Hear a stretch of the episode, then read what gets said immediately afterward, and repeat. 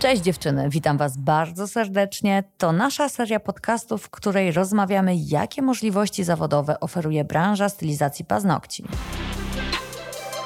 Dzień dobry, Magda Malaczyńska, podcasty Indigo. Dzisiaj będziemy rozmawiać o tym, jak to jest, kiedy w młodym wieku znajdujemy zajawkę, która naprawdę daje nam radość, w jaki sposób przekuć ją na zarabianie pieniędzy i też przede wszystkim w którym momencie w naszej głowie powinno się pojawić, że to nie jest tylko coś, co ja lubię, ale to jest coś, co być może będzie moim zawodem. Moim gościem jest Marta Szołtysik. Witam serdecznie. Martunia przyjechała do nas z Kalet ze Śląska. Tak, dokładnie. Tytułem wstępu jesteś naszym Yangiem, czyli szkolisz się na instruktora. Tak, dokładnie. Oprócz tego jesteś też designerką.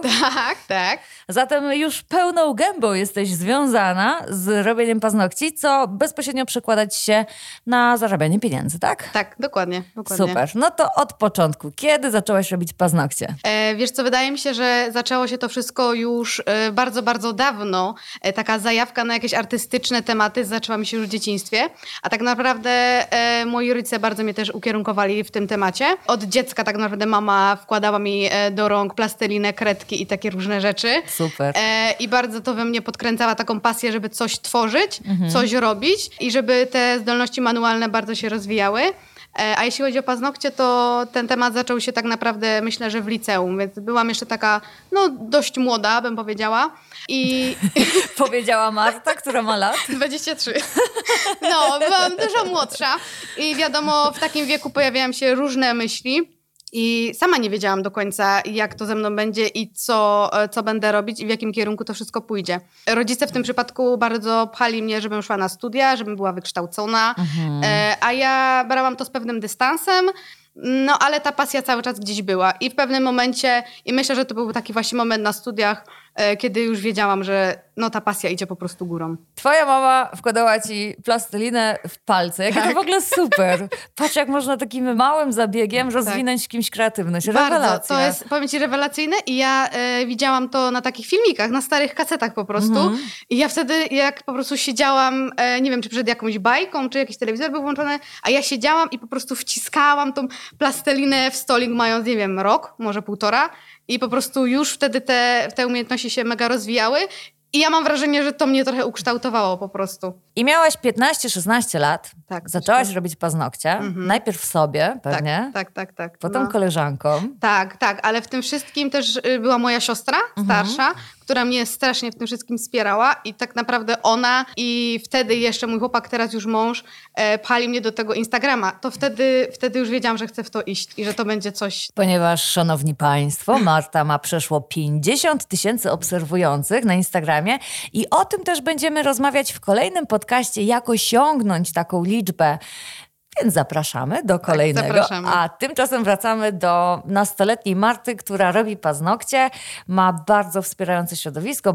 Jest mama, jest chłopak, w przyszłości mąż, jest też siostra, czyli wszyscy naokoło mówią rób to, tak? Tak, tak. Raczej wszyscy, wszyscy byli na tak. E, mama w tym wszystkim była troszkę na nie, jak już zobaczyła, że to zaczęło nade mną za bardzo to już górować. Tak? Wtedy jak Sama ja już... w to wsadziła. No, sama mnie w to wsadziła, i, a potem mówiła, że no, że jednak nie. E, Ja skończyłam s- studia nauczycielskie, filologię angielską i mamie bardzo zależało, żebym ja jednak szła do szkoły jako nauczyciel, e, ale ja mówiłam nie, po prostu nie, że mnie to nie kręci, ja chcę robić w życiu to, co lubię.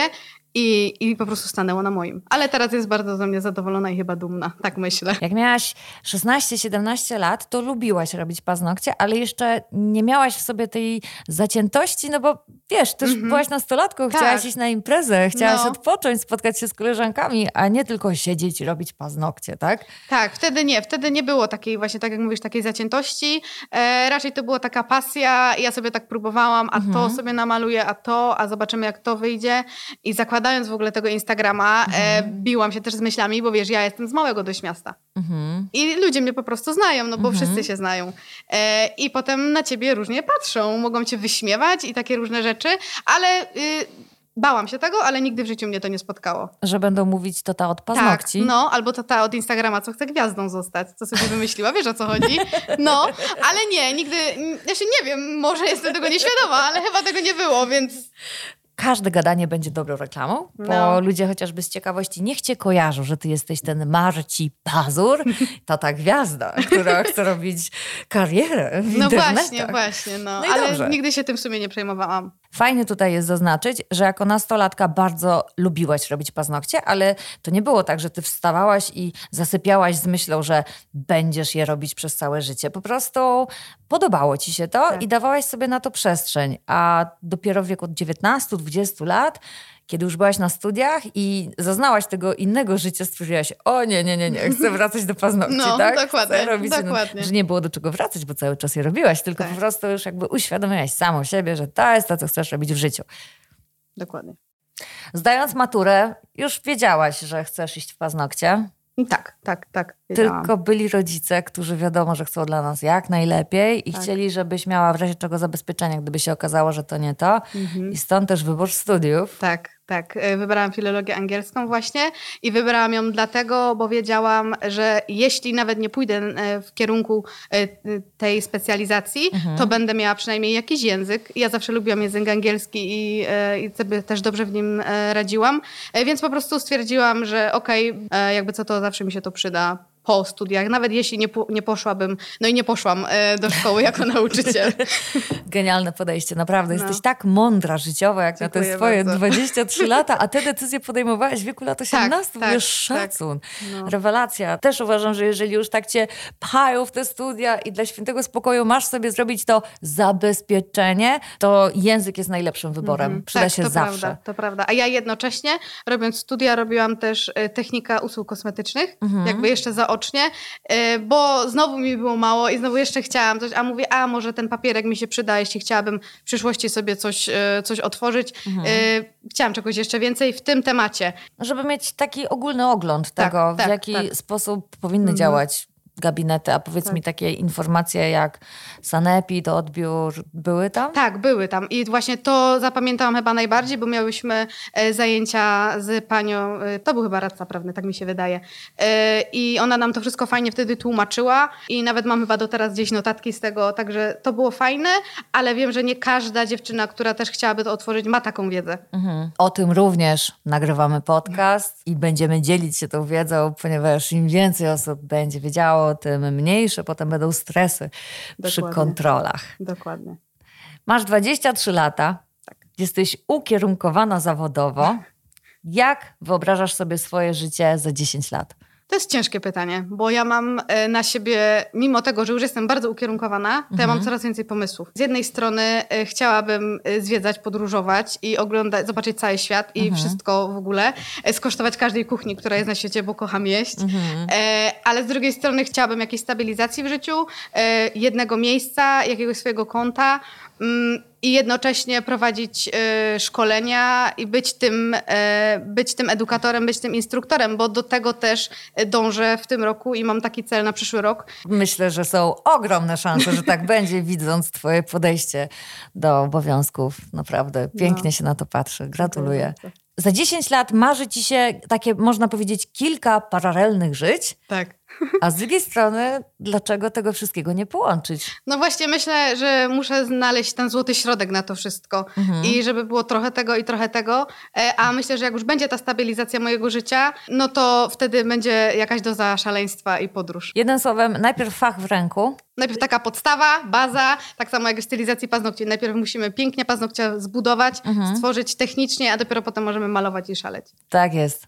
A że masz już solidne podstawy języka angielskiego, uczysz się w tym momencie, jak szkolić innych, to może się okazać, że sky is the limit, albo sky Dokładnie. is not the limit i że będziesz mogła szkolić, gdzie będziesz chciała, będziesz mogła jeździć po całym świecie, ponieważ twoja praca jest tam, gdzie twoje ręce, twoja głowa. Piękne. No, pięknie. Fajna pięknie sprawa. powiedziane. Co na to twój facet? Czy on również jest taki mm, facet, mąż już przecież, 23-latka, mężatka? On tak naprawdę był tym wszystkim razem ze mną od samego początku. I on w tym wszystkim jest i ja mam wrażenie, że on już tak podchodzi do tego, że to jest takie normalne. I ja pamiętam, jak dostałam się do Young Teamu, mm, to się po prostu popłakałam ze szczęścia, bo to zawsze było moje marzenie i No, siedziałam na łóżku i ryczałam po prostu, a on tak na mnie patrzył i mówi, ale o co ci chodzi? Przecież to było oczywiste. A on podszedł, no przecież mogłabyś płakać, jakby się okazało, że, że, że, że tego nie osiągnęłaś, że do tego nie dążysz. Także mi się wydaje, że on już tak, e, on to bierze wszystko bardzo z chłodną głową, ale wydaje mi się, że, że z jednej strony też jest bardzo dumny ze mnie i bardzo mnie wspiera od samego początku. Fantastycznie.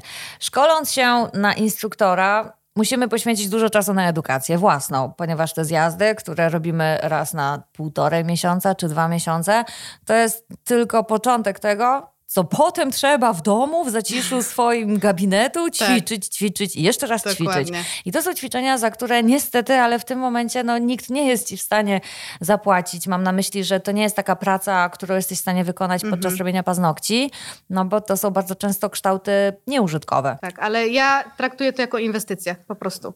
Rewelacja. To jest właśnie to zacięcie, które sprawia, że będziesz świetnym instruktorem. Dziękuję bardzo. Mam nadzieję. Masz 23 lata, mieszkasz z mężem, Tak. dokładnie. jesteście niezależni od rodziców. Tak, dokładnie.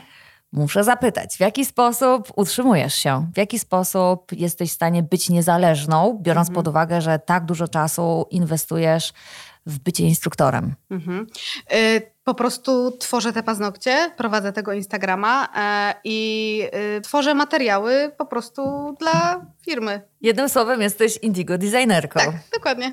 Tak, pozwala mi zarabiać i pozwala mi tak naprawdę prowadzić dodatkowo właśnie, się, to jest jakby trzon e, cały Instagram i od tego to się wzięło.